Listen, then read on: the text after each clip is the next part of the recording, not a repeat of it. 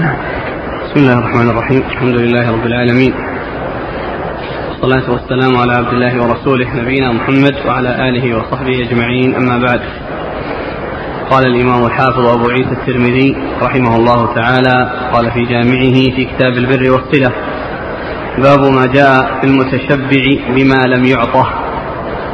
قال حدثنا علي بن حجر قال أخبرنا إسماعيل بن عياش عن عمارة بن غزية عن أبي الزبير عن جابر رضي الله عنه عن النبي صلى الله عليه وعلى آله وسلم أنه قال من أعطي عطاء فوجد فليجزي به ومن لم يجد فليثني فإن من أثنى فقد شكر ومن كتم فقد كفر ومن تحلى بما لم يعطه كان كلابس ثوبي زور. قال أبو عيسى هذا حديث حسن غريب. وفي الباب عن أسماء بنت أبي بكر وعائشة رضي الله عنهم. ومعنى قوله ومن كتم فقد كفر يقول قد كفر تلك النعمة. بسم الله الرحمن الرحيم. الحمد لله رب العالمين. وصلى الله وسلم وبارك على عبده ورسوله نبينا محمد وعلى آله وأصحابه أجمعين. أما بعد فيقول الإمام أبو عيسى الترمذي رحمه الله في جامعه باب في المتشبع بما لم يعطى. المتشبع بما لم يعطى هو الذي يظهر ويزعم يعني شيئا هو على خلاف الواقع. و آه، من أمثلة ذلك ما جاء في سبب الحديث يعني في الصحيح أن جارة يعني سألت النبي صلى الله عليه وسلم أن تظهر لجارتها أنه يعطيها أن زوجها يعطيها شيئا وهو لم يعطيها إياه وإنما تريد أن تظهر أمام جارتها بأن زوجها يودها ويحبها فهي تسأل عن كونها تدعي هذه الدعوة وتظهر لجارتها بأن زوجها يحبها. فتضيف إليه شيئا لم يحصل منه وهو أنه يعطيها. وذلك يكون فيه آه، علامة على المحبة وعلى المودة وعلى التمييز. فالنبي صلى الله عليه وسلم قال المتشبع بما لم يعطى كلابس ثوب يزور والمصنف رحمه الله عقد الترجمة بذكر المتشبع ولم يأتي في الحديث الذي ذكره وإنما جاء في لفظ آخر عند يعني آه، وهو موجود في الصحيح. فهو يتشبع بما لم يعطى فيكون كلابس ثوب يزور كلابس ثوب يزور من جهة أنه آه، أخبر وزعم وادعى بأنه حصل له شيء وأنه عنده شيء أو أنه أعطي شيء وهو لم يعطى. فإنه بهذه المنزلة وبهذه المثابة. وقد يروي أبو عيسى حديث جابر بن عبد الله رضي الله تعالى عنهما أن النبي صلى الله عليه وسلم قال من آه، أعطي عطاء فوجد فليجزي به. من و... من أعطي عطاء فوجد فليجزي به. يعني يقابل المعروف بالمعروف والإحسان بالإحسان. كما جاء في الحديث الآخر من صنع عليكم معروفا فكافئوه. قال من أعطي عطاء فوجد أي وجد سعة أو وجد مالا أو وجد شيئا يجزي به فليجزي به. يعني يقابل المعروف بالمعروف ويكافئ على الإحسان بالإحسان. من صنع إليكم معروفا فكافئوه فإن لم تجدوا ما تكافئونه فادعوا له حتى تروا أنكم قد كافأتموه.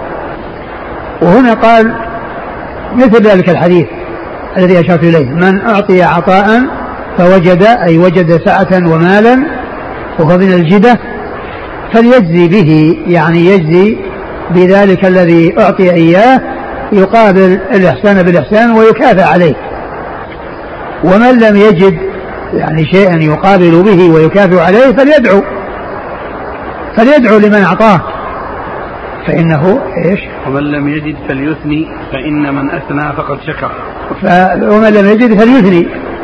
يعني يثني على على من آه، شكره على من أعطاه ويدعو له فإن هذا شكر لهذه النعمة.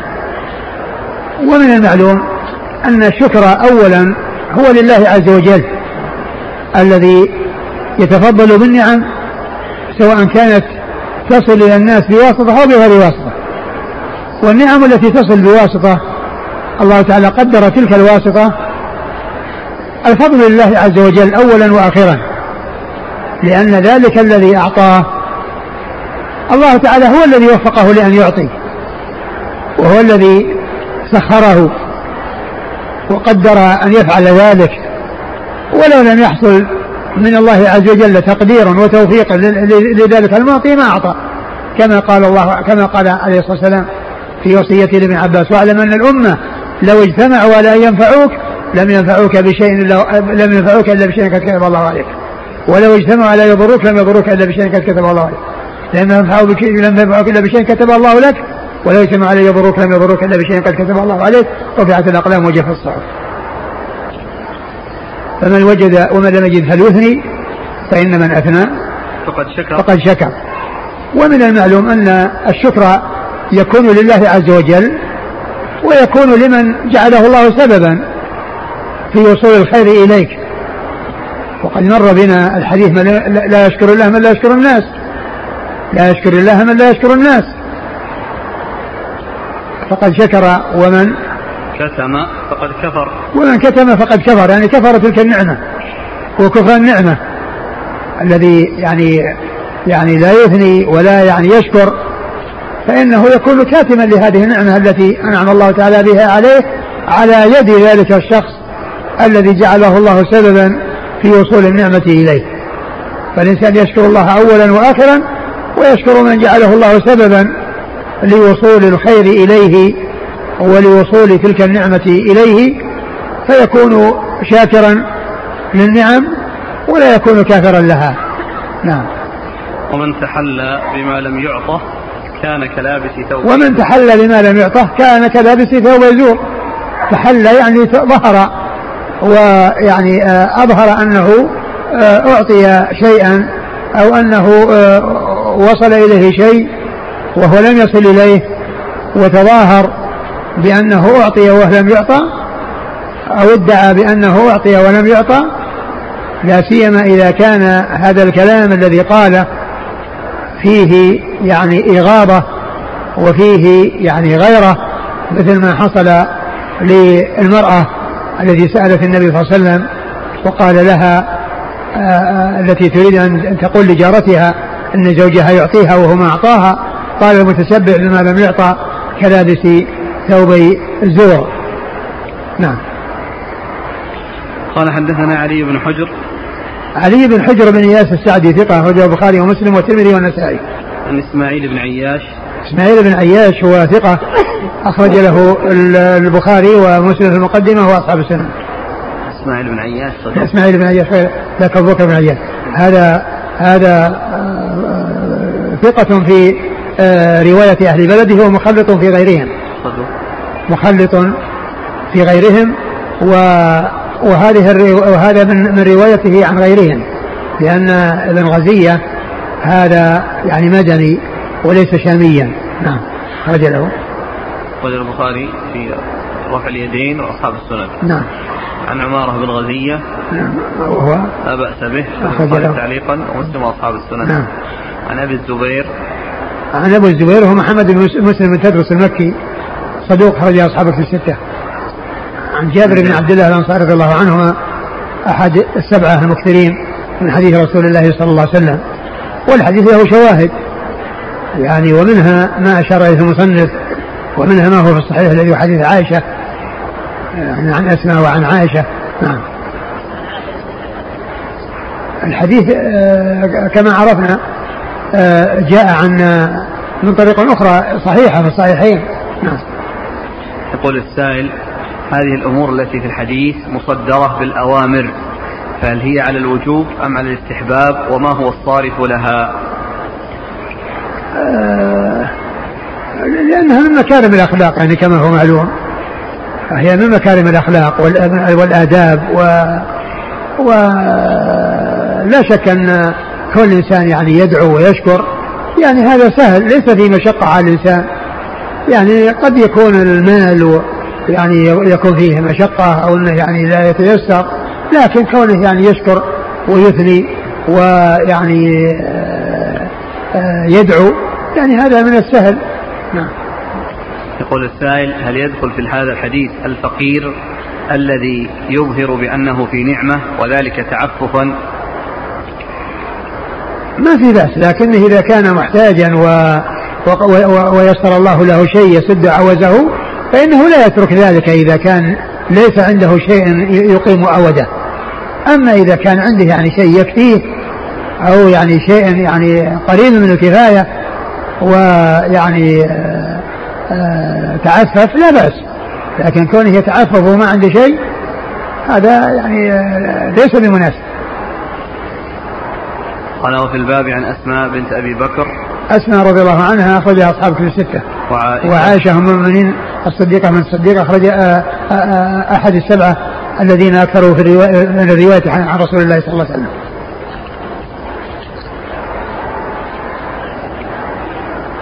قال حدثنا الحسين بن الحسن المروزي بمكة وإبراهيم بن سعيد الجوهري قال حدثنا الأحوص بن جواب عن سعير بن الخمس عن سليمان التيمي عن أبي عثمان النهدي عن أسامة بن زيد رضي الله عنهما أنه قال قال رسول الله صلى الله عليه وعلى آله وسلم من صنع إليه معروف فقال لفاعله جزاك الله خيرا فقد أبلغ في الثناء.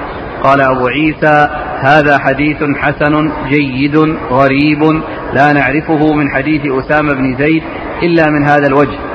وقد روي عن أبي هريرة رضي الله عنه عن النبي صلى الله عليه وعلى آله وسلم بمثله وسألت محمدا فلم يعرف.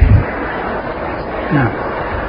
قال حدثني عبد الرحيم بن حازم البلخي قال سمعت المكي بن إبراهيم يقول كنا عند ابن جريج المكي فجاء سائل فسأله فقال ابن جريج لخازنه أعطه دينارا. فقال ما عندي إلا دينار إن أعطيته لجعت وعيالك. قال فغضبت وقال أعطه. قال المكي فنحن عند ابن جريج إذ جاءه رجل بكتاب وصرة وقد بعث إليه بعض إخوانه وفي الكتاب إني قد بعثت خمسين دينارا. قال فحل ابن, فحل ابن جريج الصرة فعدها فإذا هي أحد وخمسون. أحد وخمسون دينارا. قال فقال ابن جريج لخازنه قد قد أعطيت واحدا فرده الله عليك وزادك خمسين دينارا. آه هذا الحديث وهذا الأثر الذي جاء بعده آه جاء في ترجمة أخرى غير الترجمة التي هي المتشابه بما لم يعطى وهي الثناء بالمعروف كما في بقية النسخ. نسخة التحفة وغيرها من النسخ الأخرى فيها هذه الترجمة. وهذا هو الذي يطابق يعني ترجمة الحديث لأن الحديث ليس فيه آه، تشبع بما لم يعطى. الحديث اللي فيه تشبع لم يعطى الحديث الأول الذي مر فهو لا يناسب الترجمة ترجمة المتشبه بما لم يعطى وإنما يناسب الترجمة التي هي الثناء بالمعروف. و آه، فهي ساقطة من هذه النسخة. ساقطة هذه الترجمة وهي موجودة في نسخة الشارح والنسخ الأخرى يعني فيها هذه الترجمة. فهي ساقطة وهي التي تناسب الحديث الذي أورده المصنف. باب شوف الكتاب. أظنها الثناء بالمعروف. نعم؟ نعم. آه، آه، أورد المصنف رحمه الله حديث آه، آه، صحابي. أسامة بن زيد. نعم. أسامة. أسامة بن زيد رضي الله تعالى عنهما أن النبي صلى الله عليه وسلم قال من صنع إليه معروف فقال لفاعله جزاك الله خيرا فقد أبلغ في الثناء. من صنع إليه معروف فقال لفاعله جزاك الله خيرا فقد أبلغ في الثناء. يعني كون الإنسان يعني يقابل المعروف يعني بالمعروف وبالإحسان وإذا لم يجد يعني ما يقابل به فيدعو فإنه يكون قد أبلغ في الثناء لأن جزاك الله خيرا آه، دعاء يعني لذلك الذي أحسن بأن يجزي الله يجزيه الله خيرا. ويعني هذا دعاء عام والخير يعني لفظ عام فيكون أبلغ في الثناء يعني وقابل ذلك المعروف بما هو خير وبما هو ثناء فيه يعني آه، مبالغة يعني حيث يعني سأل له يعني ذلك الخير العظيم الذي هو أن يجزيه الله خيرا. ف آه، هذا يعني حيث لا يجد. ولهذا جاء في الحديث الآخر في الحديث الذي مر ومن من وجد فليجزي به ومن لم يجد فليثني. وكذلك الحديث الآخر من صنع إليكم معروفا فكافئوه. فإن لم تجدوا ما تكافئونه به فادعوا له حتى تروا أنكم قد كافأتموه. و وهذا الدعاء الذي هو جزاك الله خيرا هذا من الأدعية العامة والأدعية الجامعة التي فيها الجزاء بالخير ومعلوم أن الخير واسع وهو يحصل في الدنيا ويحصل في الآخرة لأن خير الدنيا وخير الآخرة يدخل تحت هذا الخير الذي هو الدعاء بهذه الكلمة العامة. جزاك الله خيرا. نعم. قال حدثنا الحسين بن الحسن المروزي بمكة. هو نعم هو صدوق أخرج له الترمذي وابن ماجه. نعم. وإبراهيم بن سعيد الجوهري. ثقة. أه إبراهيم بن سعيد الجوهري هو؟ ثقة أخرج له مسلم وأصحاب السنن. نعم. عن الأحوص بن جواب. هو؟ صدوق ربما وهم أخرج له مسلم وأبو داود والترمذي والنسائي. نعم. عن سعير بن الخمس صدوق أخرج له مسلم والترمذي والنسائي. عن أه. سليمان. سعير بن الخمس. يعني هذا روى له مسلم حديثا في كتاب الإيمان. وسعير واسم أبيه الخمس. هذه من الأسماء اللي يقولها المفردة وهي التي ما تتكرر التسمية بها التسمية فيها قليلة جدا نادرة. يعني ليست من الأسماء التي كما يقولون على الجادة. يعني مثل مثل أحمد ومحمد وغيرها من الأسماء اللي هي يعني التسمية فيها كثير. هذا التسمية نادر سعير والخمس. واسمه سعير وأبوه الخمس. فهي من الأسماء النادرة التي يقال لها الأسماء المفردة التي لا تتكرر التسمية بها. لا تتكرر التسمية بها.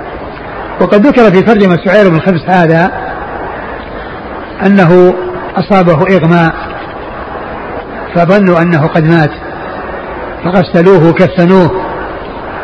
ولما يعني يعني ذهبوا به تحرك على النعش فكشفوا عنه الكفن وعادوا عليه ثيابه وعاش وولد له بعد ذلك ابنه مالك.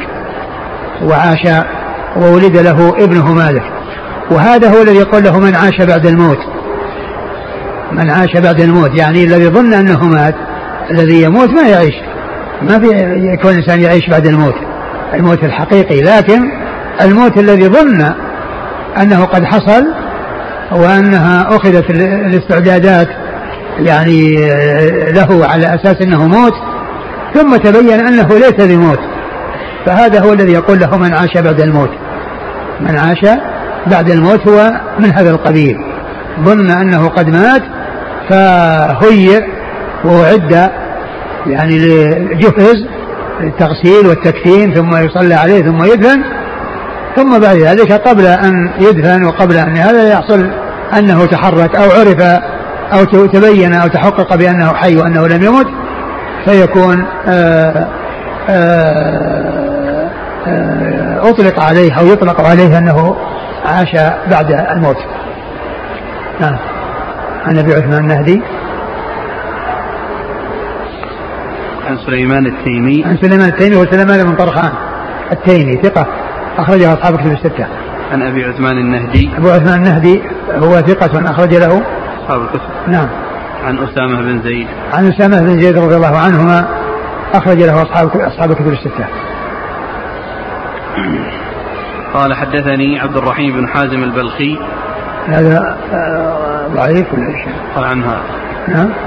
زيادات أبي الأشبال يقول عنه مقبول. مقبول؟ نعم. وجاء الترمذي. نعم. عن المكي بن إبراهيم. المكي بن إبراهيم ثقة. أخرجه أصحاب الكتب الستة وهو من كبار شيوخ البخاري. مكي إبراهيم بن إبراهيم من كبار الشيوخ الذين روى عنهم الثلاثيات. لأنه من أتباع التابعين. لأن لأنه روى عن التابعين. ولهذا يكون بين البخاري وبين رسول الله صلى الله عليه وسلم في الثلاثية ثلاثة. الصحابي والتابع وتابع تابع. والمكي بن إبراهيم هو من شيوخه شيخ البخاري الكبار الذين هم من أتباع التابعين الذين رأوا التابعين.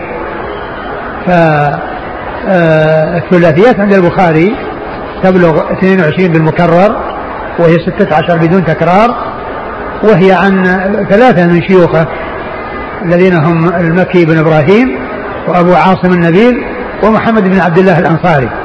ومحمد بن عبد الله الأنصاري هؤلاء من كبار شيوخه وهم الذين روى عنهم الثلاثيات. والمكي بن إبراهيم هذا منهم وهو مما خرج له أصحاب كتب الستة. وهو اسمه على لفظ النسب. اسمه على لفظ النسب. لأن مكي هذا اسمه على لفظ النسب.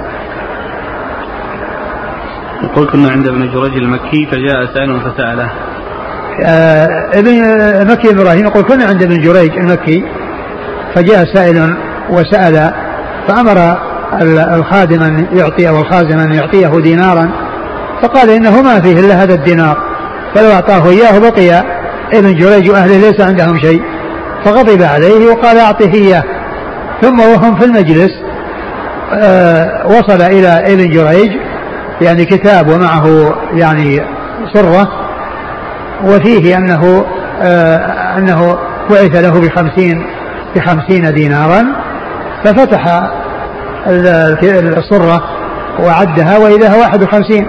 فقال لخازنه أنك آه، أنفقت دينارا وقد رده الله عليك ومعه خمسين. يعني ومعه يعني خمسون دينارا. ف يعني شيء يسير تصدق به مع أنه هو جهد مقل. هذا هو الذي عنده وليس عنده سواه. ومع ذلك الله عز وجل أكرمه وعوضه ورزقه وأتى له بهذا المقدار الذي هو واحد وخمسون. يقول السائل ما معنى حتى تروا أنكم قد كافأتموه؟ يعني حتى يعني ترون أو يغلب على ظنكم أو يعني تطمئنوا إلى أنكم آه، آه، حصلت منكم المكافأة له. ففيه يعني كثرة الدعاء حتى ها؟ يعني يعني يكثر له نعم يكثر الدعاء حتى, حتى يعني يرى أنه قد كافأه. ثم هذا الذي ذكر في قصة ابن جريج اللي هو 51 يعني ما أدري قضية الواحد هذا الذي جاء زيادة مع أن الكتاب فيه خمسين ومعنى ذلك أن الذي أرسل خمسين وأن الواحد هذا قد يكون جاء غلطا. هذا الواحد الزايد على الخمسين جاء غلطا. فلا أدري يعني يعني في مثل هذا ولا ندري إيش الذي حصل عند ابن جريج. يعني في مثل هذا يراجع الذي أرسل فإن الحساب إذا كان في غلط فإنه يصحح الغلط. وإذا كان الذي أرسل قال إنه يعني آه، آه، متعمد وأنه يعني هذا فهذا أمره واضح. لكن مثل هذا لو حصل أن إنسان أعطي وقال يصل إليك هذا المقدار ثم عده وإذا العدد يختلف فإنه يراجع. يراجع الذي أرسله فيكون معنى ذلك أنه وصل إليه زيادة قد تكون غير مقصودة وقد تكون جاءت غلطا وخطأ فالذي حصل من ابن جريج ما ندري هل هل حصل يعني مراجعة في هذا في هذا الدينار أو ما حصل مراجعة. ولا ندري هل القصة أيضا صحيحة أو غير صحيحة لأنها في هذا الرجل الذي هو مقبول. هذه العبارة أظنها أول مرة تمر قضية جيد. ما معناها؟ هذا حديث حسن جيد غريب. والله سبق أنها مرت هذه مرة أنها مرت مرة واحدة في هذا الباب اللي هو كتاب باب الصلة البر والصلة. فالجيد هي طبعا دون الصحيح دون الصحيح. لكن يعني هل هي أقوى من حسن؟ ما أدري. يقول السائل بعض الإخوة يتضرف فيزيد على جزاك الله خيرا وزوجك بكرا ونحو ذلك. أليس في هذا استدراك على قول صلى الله عليه وسلم؟ فإنه يقول فقد أبلغ بالثناء. والله على كل يعني هذا الدعاء هذا قد يكون ما يريد يعني هذا الشيء الذي دعي به. أي نعم. قد يكون الإنسان الذي دعي له بهذا أنه لا يريده. فالإنسان يدعو بالخير وكل خير يدخل تحت هذا العموم. فالإنسان يأتي بهذا الدعاء وليس معنى ذلك الرسول قال إنه يعني إنه لا يزيد على هذا وإنما أخبر بأن هذا يعني في فيه يعني إبلاغ بالثناء. لكن لو أنه دعا له قال جزاك الله خيرا وبارك الله فيك وعوضك خيرا ما في بأس. لأن الرسول ما منع من الزيادة.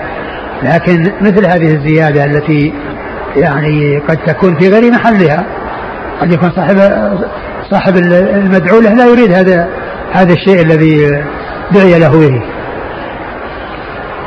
والأخ الآخر يقول يزيد البعض فيقول جزاك الله ألف خير. والله الخير يعني ليس له حد. أقول ليس له حد والألف هذا محدود.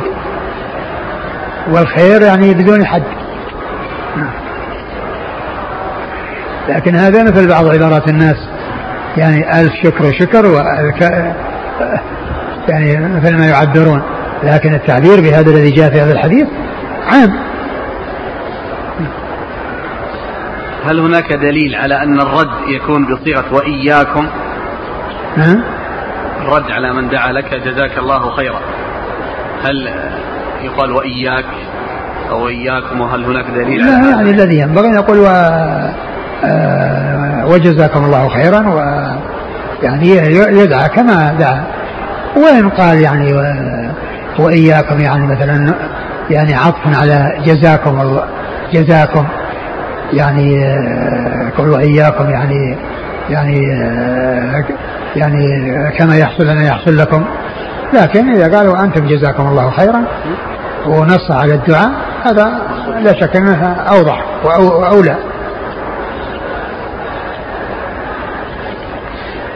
وهنا قال الترمذي سألت محمدا فلم يعرفه يقول السائل هل المراد لم يعرفه البتة أو يقصد من الطريق الذي ذكره المصنف؟ أم لم يعرف له طريقا آخر؟ ما يمنع أن يكون أنه يعرف من طريق آخر. لكن الكلام على هذه الطريق الموجودة التي سأل عنها. قال رحمه الله تعالى كتاب الطب عن رسول الله صلى الله عليه وعلى آله وسلم. قال باب ما جاء في الحمية.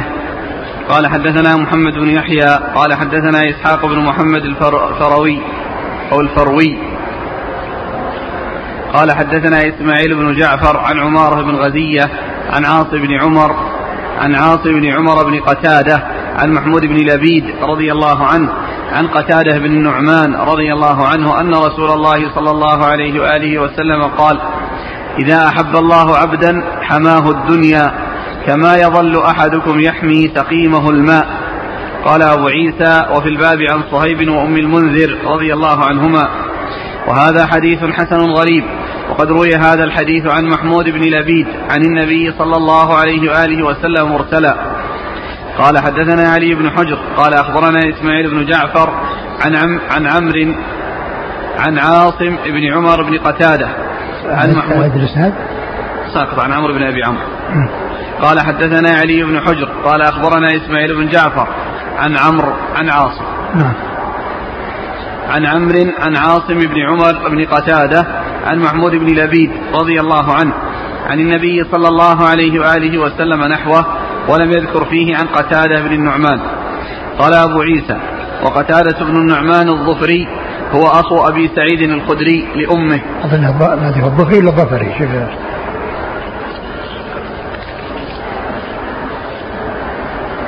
شوف ضبطه وشو.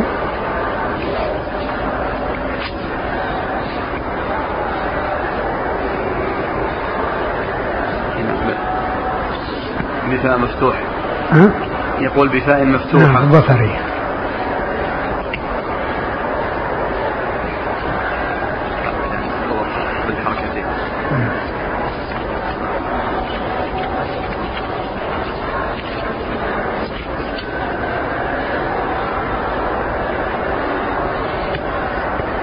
وقتاده بن النعمان الظفري هو أخو أبي سعيد الخدري لأمه ومحمود بن لبيد قد أدرك النبي صلى الله عليه وسلم ورآه وهو غلام صغير.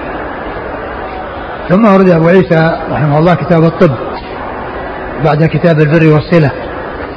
والطب المقصود به يعني العلاج ما تعالج به الأمراض وتطب به ويعني آه يعني تعالج به الأمراض الأمراض الجسدية. وقد آه جاء في آه في عند أصحاب الكتب الستة مثل هذا الكتاب جاء عند البخاري وجاء عند عند أبي داود وعند ابن ماجه وعند النسائي في السنن الكبرى. وجاء في مسلم بعد كتاب السلام أحاديث كثيرة تتعلق بالطب متصلة بباب كتاب السلام متصلة بكتاب السلام. والمزي في تحت الأشراف عندما يعزو تلك الأحاديث إلى مسلم يقول أخرجه مسلم في الطب. أخرجه مسلم في الطب الأحاديث التي في الطب التي في آخر السلام كتاب السلام يعزوها آه، في تحت الأشراف إلى مسلم في الطب أخرجه مسلم في الطب. فهذا هذه الترجمة أو هذا الكتاب يعني آه، موجود في آه، الكتب الستة المختلفة منها ما هو فيها أصلا كالبخاري والترمذي وابن ماجه وأبو داود. ومنها ما هو ما في السنن الكبرى الذي يخارج المجتبى الذي هو المعروف الذي يعني ينسب إليه النسائي اللي هو المختصر اللي هو المجتبى. وكذلك أيضا آه، مسلم كما أشرت آه، عنده أحاديث كثيرة في الطب ولكنها داخلة تحت كتاب السلام. والمزي آه، يذكر في تحفة الأشراف أنه في الطب فلعله عنده هذه الترجمة التي هي كتاب الطب يعني من أول تلك الأحاديث التي جاءت ضمن كتاب السلام. ثم أورد أبو عيسى باب الحمية. والحمية هي منع المريض من أمور تضره أمور مباحة مأكولات مشروبات آه يعني آه أشياء مباحة آه فعلها يضره فإنه يحمى منها يعني يمنع من استعمالها لأنها لا تناسب حالته وتناسب مرضه. ومن الأطعمة يعني ما تزيد في المرض ما يكون سببا في زيادة المرض ولهذا يحمى يحمى منه المريض. ويمكن من أشياء تنفعه ولا تضره ولا تكون سببا في زيادة مرضه. أورد أبو عيسى هذه آه، تحت هذه الترجمة حديث قتادة بن النعمان رضي الله تعالى عنه أن النبي صلى الله عليه وسلم قال إذا أراد الله أحب الله عبدا إذا أحب الله عبدا حماه الدنيا كما يحمي أحدكم مريضه الطعام والماء. يعني يعني منعه من الدنيا ولم يعطه الدنيا التي يكون فيها ضرره وفيها آه، انشغاله وفيها مضرته كما يحمي أحدكم مريضه الطعام والماء. يعني معناه أنه يمنعه من الطعام الذي يضره ومن الماء حيث كان يضره يعني شرب الماء. فقوله كما يحمي مريضه الطعام والماء هذا هو اللي يدل على الترجمة. هذا هو محل الشاهد للترجمة. لأن المريض يحمى من أشياء تضره. يحمى من أشياء تضره يعني يمنع من استعمالها. والرسول صلى الله عليه وسلم يعني ذكر أن من أحبه الله عز وجل أنه يعني لا يعطيه الدنيا التي تكون سببا في فتنته وسببا في يعني ضرره لأن المال فتنة وفتنة هذه الأمة في المال. فمن الناس من يحصل له ضرر بالمال يعني حيث يعني يطغى به وحيث يعني يستعمله يعني في آه، آه، قد يحصله من طرق غير مشروعة. ويصرفه في طرق غير مشروعة فيكون في ذلك مضرة له. وأما المال الذي يحصل لمن وفقه الله عز وجل لأخذه من حله وصرفه في في ما شرع صرفه فيه كما حصل لبعض الصحابة الذين هم يعني عندهم مال وأعطاهم الله شيئا من المال مثل عبد الرحمن بن عوف ومثل عثمان بن عفان رضي الله تعالى عنهما وقد بذلوا ذلك المال في سبيل الله وكان هذا المال عونا لهم على الخير وسببا يعني آه، في آه، يعني آه، رفع درجاتهم وثوابهم عند الله عز وجل لأنهم صرفوا ذلك المال فيما شرع كما حصل من عثمان رضي الله عنه حيث جهز ثلاثمائة بعير وعليها أحمالها في غزوة تبوك في جيش العسرة. فالمال إذا أعطاه الله لأحد يعني يستعمله في طاعة الله عز وجل ولا يكون سببا في ضرره خير. ولكن المال الذي يكون فتنة له ويكون مشغلة له ويكون يعني آه، يورث الجشع ويورث الشح والبخل ويورث الحرص الشديد على تحصيله من أي طريق آه، سواء كان عن طريق الربا أو عن طريق الخداع أو عن طريق الغش أو عن طريق الاختلاس أو عن طريق مثل مثل ما يحصل يعني يعني بعض الناس لا يبالي. الحلال ما حل في اليد. ما وصل إلى يده هذا هو الحلال. هذا تعريف الحلال. عند من لم يوفق الله عز وجل ليأخذ المال من حلة. الحلال ما حله الله ورسوله والحرام ما حرمه الله ورسوله. عليه الصلاة والسلام. ولكن بعض الناس الحل ما الحلال ما وصل إلى اليد والحرام ما لم يصل إلى اليد فمثل ذلك هذا هو الذي آه، كون الله يحبه ويحميه يعني من الدنيا التي ترضيه وتضره يعني كما يحمي المريض أحدكم المريض, المريض من الطعام والشراب. الحاصل أن الرسول قال كما يحمي الطعام والشراب يعني منها في حمية في حمية من الطعام والشراب الذي فيه مضرة على الإنسان والذي يناسب لا يناسب آه، مرض الإنسان. نعم. قال حدثنا محمد بن يحيى. محمد بن يحيى الذهلي ثقة أخرجه البخاري وأصحاب السنة. عن إسحاق بن محمد الفروي. وهو صدوق كف فساء حفظه. قال البخاري والترمذي وابن ماجه. نعم. عن إسماعيل بن جعفر. إسماعيل بن جعفر ثقة أخرج أصحاب الكتب الستة. عن عمارة بن غزية عن عاصم بن عمر بن قتادة. وهو؟ ثقة أخرج أصحاب الكتب. نعم. عن محمود بن لبيد. محمود بن لبيد صحابي صغير وهو صاحب المجة الذي قال عقلت مجة مجها عليه الرسول صلى الله عليه وسلم يداعبه قال من دلو في دارنا أو في دارهم فيعني وعمره خمس سنوات فهو صحابي صغير. وقد جاء يعني يروي عن الحديث عن قتادة بن النعمان ويرويه أيضا يضيفه النبي صلى الله عليه وسلم مرسل ولكنه مرسل صحابي. ومراسيل الصحابة معتبرة وحجة. وهنا جاء أنه يروي عن قتادة بن نعمان. يروي عن قتادة بن نعمان فلا تنافي بين ما جاء مرسلا وبين ما جاء متصلا فيه قتادة بن نعمان لأن مرسل الصحابي لا يؤثر الذي يؤثر هو مرسل التابعي وأما الصحابي فمرسله لا يؤثر فإنه يكون آه، آآ آه، مقويا للطريقة الثانية التي فيها ذكر الصحابي. نعم. وقتاده بن النعمان يعني آه يعني هذا صحابي صغير وهذا صحابي كبير. نعم. محمود بن لبيد محمود بن لبيد أخرج له؟ خالد المفرد ومسلم وأصحاب السنة. نعم. وقتادة؟ ابن النعمان أخرج البخاري والترمذي والنسائي بن ماجه.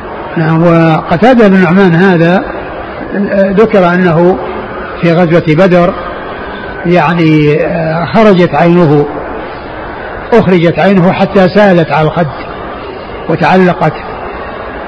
فيعني بعضهم قالوا تقطع وقالوا لا حتى يأتوا النبي صلى الله عليه وسلم. فالرسول أخذها بيده وردها إلى مكانها فعادت كما كانت فعادت كما كانت وصارت يعني آه يعني سليمة. لا فرق بينها وبين الثانية. التي لم يحصل لها شيء. ولهذا يقال أو ذكروا أن ابنه جاء إلى عمر بن عبد العزيز فقال من؟ قال أنا ابن الذي سالت على الخد عينه فردت بيمين المصطفى أحسن الرد. أنا ابن الذي سالت على الخد عينه فردت بيمين المصطفى أحسن الرد. فقال تلك المكارم لا قعبان من لبن شيبا بماء فعدنا بعد أبوالا.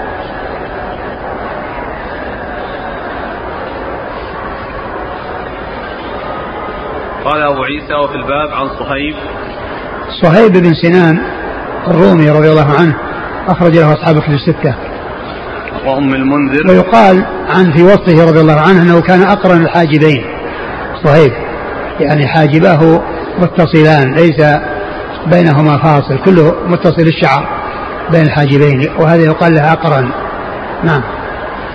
وأم المنذر. وأم المنذر أخرج لها. أبو داود والترمذي وابن ماجه. نعم. قال وهذا حديث حسن غريب وقد روي هذا الحديث عن محمود بن لبيد عن النبي صلى الله عليه وسلم مرسلا. نعم. مرسل. مرسل صحابي. قال حدثنا علي بن حجر. علي بن حجر علي بن إياس آه، السعدي ثقة أخرجه البخاري ومسلم والترمذي والنسائي. عن إسماعيل بن جعفر. ثقة أخرج أصحاب في الستة عن عمرو عن عمرو عمرو بن أبي عمرو. عمرو بن أبي عمرو وهو؟ ثقة أبو مواهيم أخرج أصحاب الكتب. نعم. عن عاصم بن عمر بن قتادة عن محمود بن لبيد. نعم. ولم يذكر فيه عن قتادة. نعم. قال أبو عيسى وقتادة بن نعمان الظفري هو أخو أبو سعيد الخدري لأمه محمود بن لبيد. قد أدرك النبي صلى الله عليه وسلم ورآه وهو غلام صغير. نعم. الأوراق جاءت كأنها لمج النبي صلى الله عليه وسلم محمود بن ربيع. آه صحيح محمود بن ربيع. محمود بن ربيع نعم. لكن هذا صحابي صغير وذاك صحابي صغير صحيح محمود بن ربيع ليس محمود بن لبيد قال حدثنا عباس بن محمد الدوري قال حدثنا يونس بن محمد قال حدثنا فليح بن سليمان عن عثمان بن عبد الرحمن التيمي عن يعقوب بن أبي يعقوب عن أم المنذر رضي الله عنها أنها قالت دخل علي رسول الله صلى الله عليه وآله وسلم ومعه علي.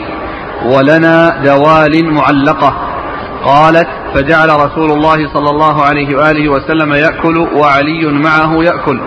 فقال رسول الله صلى الله عليه وآله وسلم لعلي مه مه مه مه يا علي فإنك ناقه. قال فجلس علي والنبي صلى الله عليه وعلى آله وسلم يأكل. قالت فجعلت أو قالت فجعلت لهم سلقا وشعيرا. سلقا سلقا وشعيرا.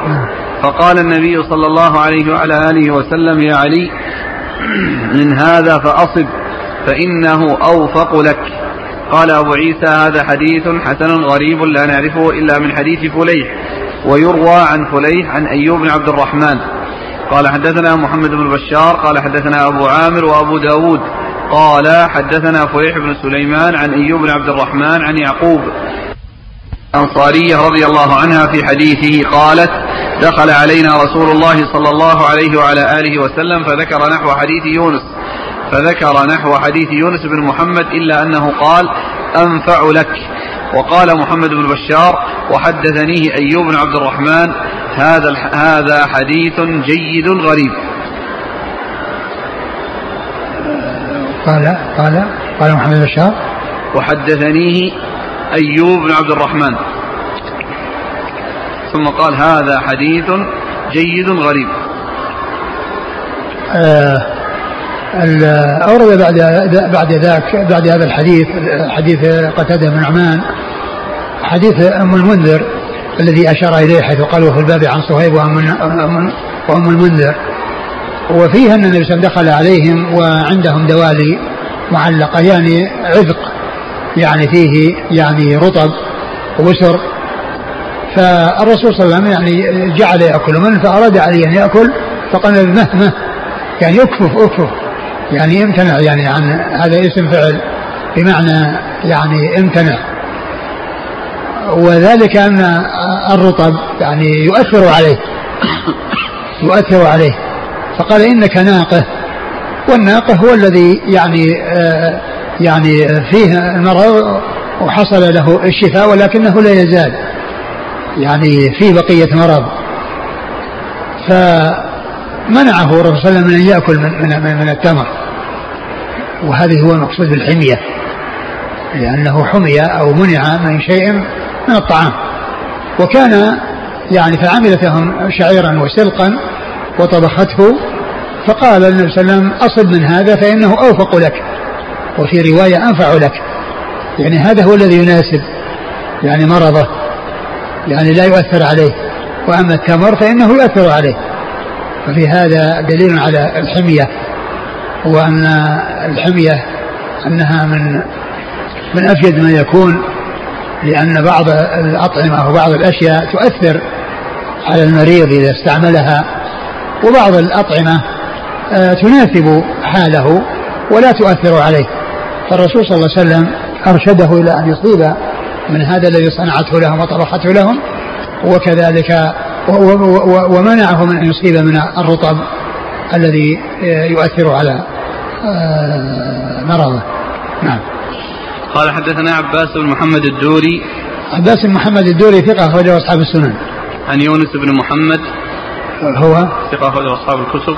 نعم. عن فليح بن سليمان. وهو صدوق كثير الخطأ. نعم. أخرجه أصحاب الكتب. نعم. عن عثمان بن عبد الرحمن التيمي. وهو ثقة أخرج البخاري وأبو داود والترمذي.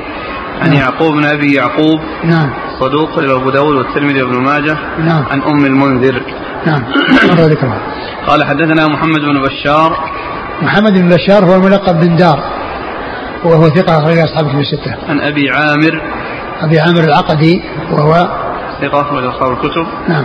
وأبو داود أبو داود الطيالسي ثقة أخرجه البخاري تعليقا ومسلم وأصحاب السنة. عن فليح بن سليمان عن أيوب بن عبد الرحمن. نعم. صدوق أخرجه نعم. أبو داود والترمذي وابن ماجه. نعم. عن يعقوب عن أم المنذر. نعم. تنبيه على الطلاب. آه آه مطلوب من الطلاب الذين يأخذون المساعدات أن كل واحد منهم الآن يكتب ورقة يكتب فيها اسمه وبلده ويوقع وكل ورقة تأتي منه توقيع لا يلتفت إليها. عبد الحكيم يزيد يقول نبغى التاريخ يكتب مع ذلك التاريخ. تاريخ اليوم؟ أي. نعم.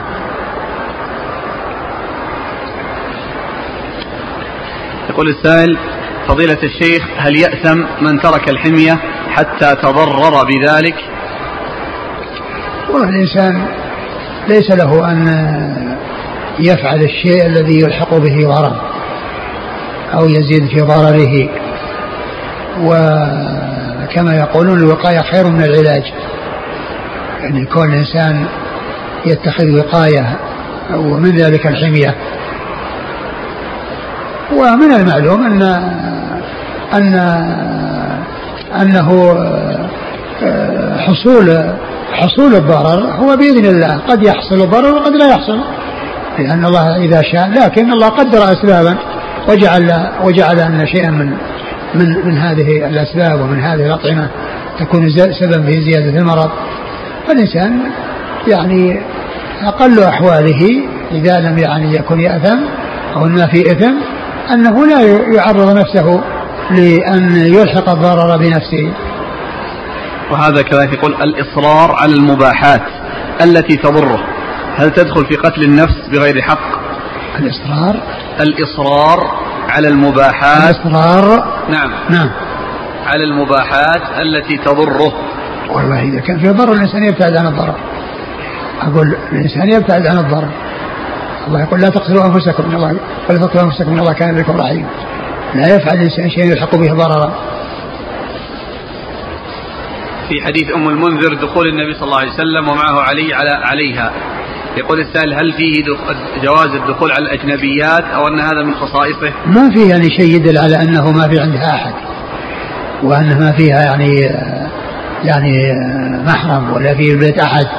يعني معلوم أن أن الذكر الذي حصل يعني ما في شيء يفيد بأن أن أنه ما يوجد عندها أحد. ومعلوم أن الرسول صلى الله عليه وسلم كان دخل على أم الحرام ويعني وليس عنده أحد يعني لكن لا يقال إن مثل هذه الصورة أو هذه المسألة أن إنه ليس فيه أحد.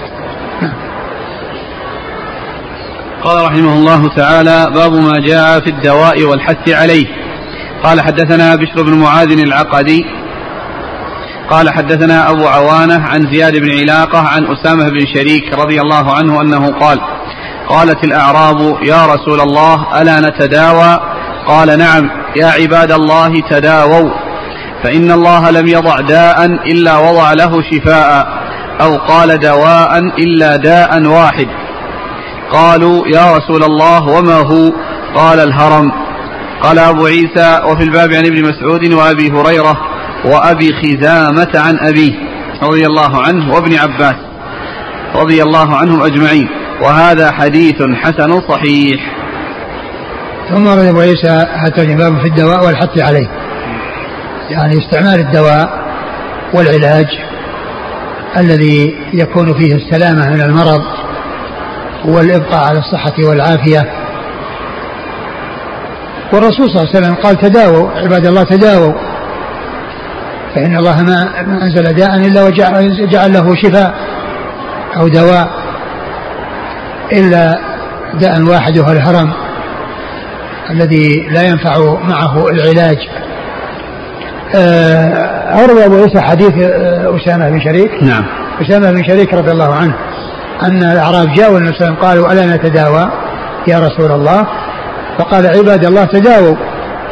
تداووا وهذا أمر بالدواء وإرشاد إليه وترغيب به ولهذا المصنف الحث عليه. وهذا مأخوذ من قوله تداووا. إيش بعده؟ يا عباد الله تداووا فإن الله لم يضع داء إلا وضع له شفاء أو قال دواء إلا داء واحد. إن الله لم يضع داء إلا وضع له شفاء أو دواء. علمه من علمه وجهل من جهله لأنه قد يعلمه بعض الناس ويجهل بعض الناس وقد يعني يجهل عند كثير من الناس أو يجهل في وقت من الأوقات ثم يعلم في أوقات أخرى إلا داء واحد وهو الهرم. ومن المعلوم أن الهرم ليس داء ولكنه يعني آه، مظنة أو من أسباب حصول الداء. لأن الأمراض والأتعاب تكون مع الهرم ومع الكبر. يعني ف آه، وأما نفس الكبر نفسه فإنه هو الزيادة في العمر. التي يصل بها الإنسان إلى أرذل العمر ولكنه يكون مظنة لحصول الأمراض التي يعني آه، آه، لها علاج ولكن الهرم والكبر ليس له علاج. يعني الإنسان يعالج ثم يعود يعني آه، إلى ما كان عليه يعني قبل ذلك هذا لا يكون. نعم. قال حدثنا بشر بن معاذ العقدي هو؟ صدوق الترمذي والنسائي وابن ماجه. نعم. عن أبي عوانة. أبو عوانة هو الضاحى بن عبد الله اليشكري ثقة. اخرج له أصحاب الكتب الستة. عن زياد بن علاقة. وهو؟ ثقة اخرج أصحاب الكتب. نعم. عن أسامة بن شريك. وقد أخرج له؟ أصحاب السنن. نعم. قال وفي الباب عن ابن مسعود. ابن مسعود عبد الله مسعود الهذلي رضي الله عنه. أخرج حديث أصحاب الكتب الستة. وأبي هريرة. أبو هريرة عبد الرحمن بن صخر الدوسي أكثر الصحابة حديثا. وأبي خزامة عن أبيه. وأبي خزامة عن أبيه. وأبيه قيل إنه آه، يعمر وهو وأبو خزامة أخرج له. صحابي. وهو, وهو لا أبو خزامة مجهول. أخرج له البخاري آه، أبو داود في القدر والترمذي وابن ماجه. نعم أخرجه أبو داود في القدر والترمذي وابن ماجه. وابن ماجه. أبوه صحابي أخرجه. أبوه صحابي أخرجه الترمذي. أبو داود في القدر والترمذي وابن ماجه. نعم. وابن عباس. وابن عباس عبد الله بن عباس ابن عبد المطلب أحد العبادله الأربعة واحد السبع المكثرين حديث رسول الله صلى الله عليه وسلم. يقول السائل الأمر تداووا للوجوب وهل التداوي واجب؟ آه التداوي الذي يعني آه لا يحصل يعني إذا ترك يحصل به الهلاك المحقق مثل النزيف يعني إذا لم يوقف فإنه يؤدي إلى الهلاك. فإنه مطلوب الإنسان يعني يوقف هذا النزيف الذي يؤدي إلى الهلاك. وأما مجرد العلاج الذي يعني قد يحصل وقد ينفع وقد لا ينفع فالأمر في ذلك واسع. هذا للندب والاستحباب. وأما الشيء الذي يكون فيه إنقاذ النفس والهلاك محقق بدون آه، العلاج الذي هو يعني وقف الدم النزيف الذي يؤدي إلى الهلاك هذا يعني مطلوب آه، ذلك ولازم. نعم. يقول ما حكم التداوي بالحرام؟ وهل في الدواء ضرورة؟ لا يجوز. لا يجوز التداوي بالحرام. يقال انه ضرورة؟ فتوجب. ابدا لا يجوز الإنسان يتداوى بالحرام. مطلقة. يعني الخمر يعني الرسول لما سئل عنها قال انها داء وليست دواء هذا يقول هل صحيح قول البعض إن الحماقة لا دواء لها؟ آه آه هذا قاله يعني في في بعض الأبيات شيء أبيات فيها شيء من, من هذا ولكن يعني كما هو معلوم يعني آه، آه، كل شيء يعني يمكن يعني بال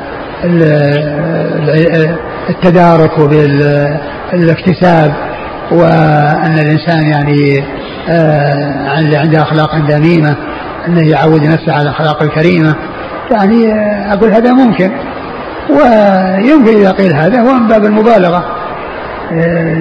لكل داء دواء يستطاع به إلا الحماقة على من يداويه هكذا ابيات الشعر قال رحمه الله تعالى باب ما جاء ما يطعم المريض. قال حدثنا أحمد بن منيع. قال أخبرنا إسماعيل بن إبراهيم. قال حدثنا محمد بن السائب بن بركة عن أمه عن عائشة رضي الله عنها أنها قالت كان رسول الله صلى الله عليه وعلى آله وسلم إذا أخذ أهله إذا أخذ أهله الوعك أمر بالحساء فصنع ثم أمرهم فحسوا منه وكان يقول إنه ليرتق فؤاد الحزين ويسرو عن فؤاد السقيم كما تسرو إحداكن الوسخ بالماء عن وجهها. قال أبو عيسى هذا حديث حسن صحيح وقد رواه ابن المبارك عن يونس عن الزهري عن عروة عن عائشة رضي الله عنها عن النبي صلى الله عليه وعلى آله وسلم قال حدثنا بذلك الحسين بن محمد قال حدثنا به أبو إسحاق الطالقاني عن, عن ابن المبارك. ثم أورد أبو عيسى هذه الترجمة باب ما يطعم ما يطعم المريض. باب ما يطعم المريض. يعني الطعام الذي يناسب المريض. وقد سبق أن مر بنا الطعام الذي يناسب عليه وهو السلق لا. الذي معه شعير يعني مطحون وأنه طبخ يعني به والرسول قال أصب من هذا فإنه أنفع لك.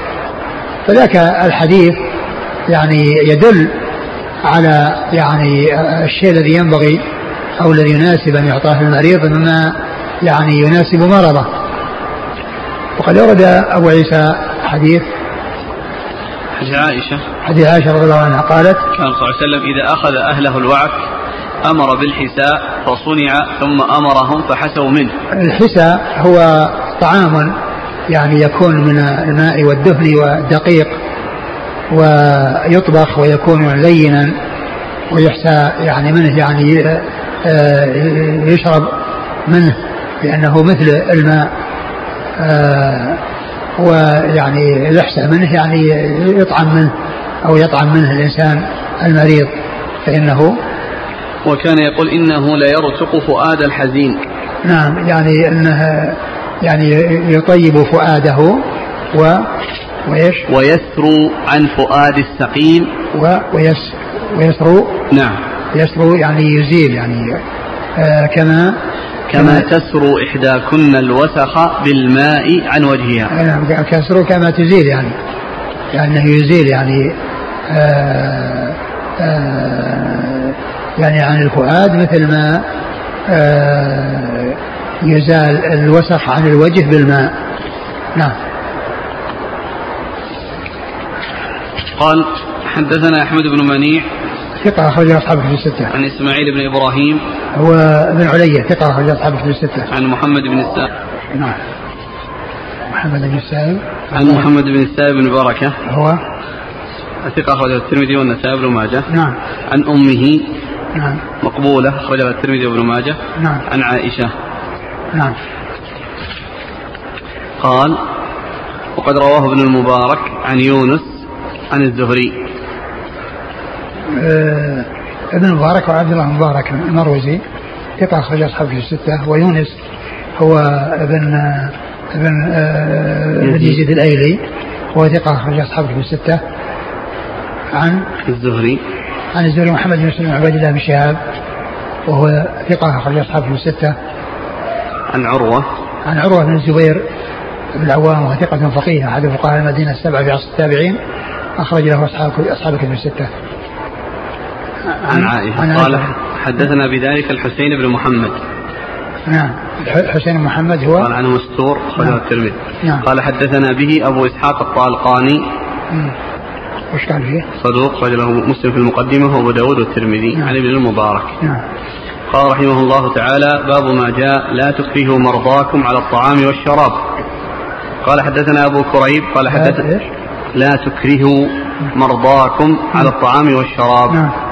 قال حدثنا أبو كريب قال حدثنا بكر بن يونس بن بكير عن موسى بن علي عن أبيه عن عقبة بن عامر الجهني رضي الله عنه أنه قال قال رسول الله صلى الله عليه وعلى آله وسلم لا تكرهوا مرضاكم على الطعام فإن الله يطعمهم ويسقيهم. قال أبو عيسى هذا حديث حسن غريب لا نعرفه إلا من هذا الوجه. ثم ورد أبو عيسى باب لا تكرهوا مرضاكم على الطعام والشراب أي أنهم يعني لا يلزمونهم بالأكل والشرب فإن الله تعالى يعطيهم من القوة ويعطيهم من ال ال الشيء الذي يتمكنون الذي به تحصل به حياتهم. وإن لم يعني يحصل منهم الأكل والشرب ومن المعلوم أن أن آه، آه، ترغيب المريض في الطعام وحثه عليه هذا مطلوب ولكن يعني كونه يلزم أو يعني يشتد عليه يعني في ذلك هذا هو الذي يعني المقصود يعني مما جاء في في هذا الحديث. وأما كونه يرغب في الطعام ويعرض عليه ويحرص على انه يأكل هذا أمر مطلوب.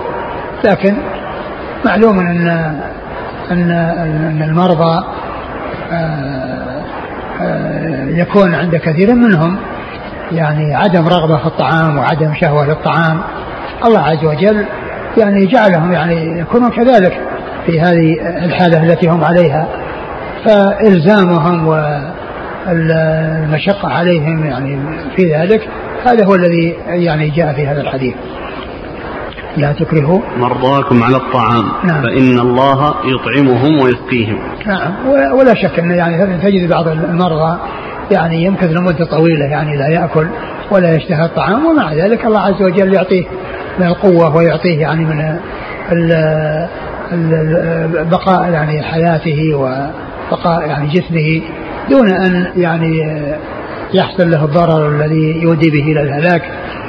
يعني هذا شيء مشاهد ومجرب أن المريض يعني يأخذ له مدة لا يأكل نعم قال حدثنا أبو كريب محمد بن علاء بن كريب ثقة أخرج أصحاب في الستة. عن بكر بن يونس بن بكير. بكر بن يونس بن بكير ضعيف أخرج له. الترمذي وابن ماجه. أخرج الترمذي وابن ماجه. عن موسى بن علي. موسى بن علي هو صدوق. ربما أخطأ أخرج البخاري المفرد ومسلم وأصحاب السنن. وأبوه علي ثقة أخرج له. قال في المفرد نعم مثل ابنه نعم. عن عقبة بن عامر. عقبة بن عامر الجهني رضي الله عنه أخرج له أصحاب كتب الستة.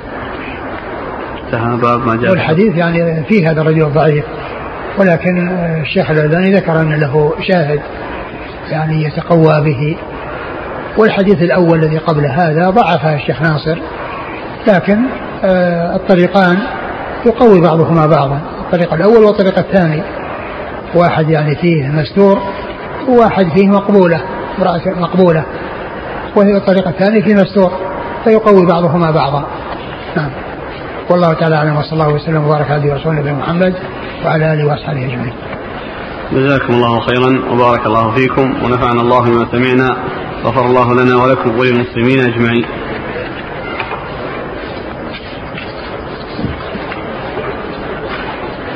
يقول السائل ما الحكمة في التثنية؟ في قوله كلابس ثوبي زور. يعني قيل ان إنه يعني مثل الذي يكون عليه ازار ورداء. عليه ازار ورداء لأنهما ثوبان. وهذا يعني عنده آه عنده آه الزور من جهتين. من جهة آه يعني آه آه اتجاهه إلى كونه يعني يكذب ومن جهة كونه كذب بالفعل. فيعني من أجل ذلك قيل أنه كلابس ثوب زور يعني كالذي عليه إزار ورداء. نعم.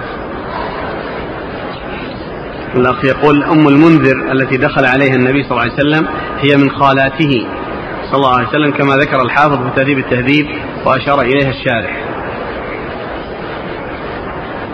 نعم إذا يعني آه، آه، كونه يعني فيه فيه قرابة لكن قضية أم الحان التي جاءت في الصحيح يعني قيل إن فيه قرابة وقيل أنه ليس هناك قرابة ويكون ذلك من خصائصه صلى الله عليه وسلم.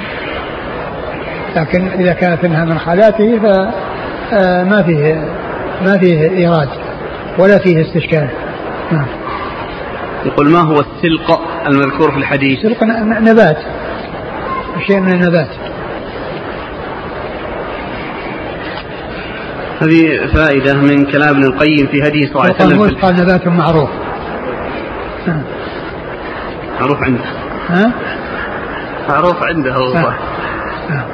أقول هذا فائدة من كتاب ابن القيم في هدي صلى الله عليه وسلم في الحمية. يقول ابن القيم رحمه الله الدواء كله شيئان حمية وحفظ صحة والحمية حميتان حمية عما يجلب المرض وحمية عما يزيده فيقف على حاله فالأول حمية الأصحاء والثاني حمية المرضى فإن المريض إذا احتمى وقف مرضه عن التزايد وأخذت القوة في دفعه. والأصل في الحمية قوله تعالى وإن كنتم مرضى أو على سفر إلى قول فتيمموا صعيدا طيبا فحمى المريض من استعمال الماء لأنه يضره.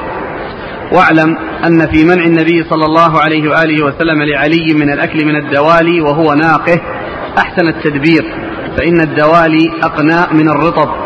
تعلق في البيت للأكل بمنزلة عناقيد العنب والفاكهة والفاكهة تضر بالناقه من المرضى لسرعة استحالتها وضعف الطبيعة عن دفعها فإنها لم تتمكن بعد من قوتها. وهي مشغولة بدفع آثار العلة وإزالتها من البدن.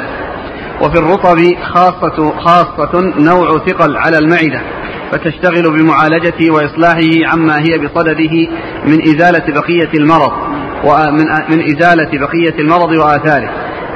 فإما أن تقف تلك البقية وإما أن تتزايد. فلما وضع بين يديه السلك والشعير أمره أن يصيب منه فإنه من أنفع الأغذية للناقه.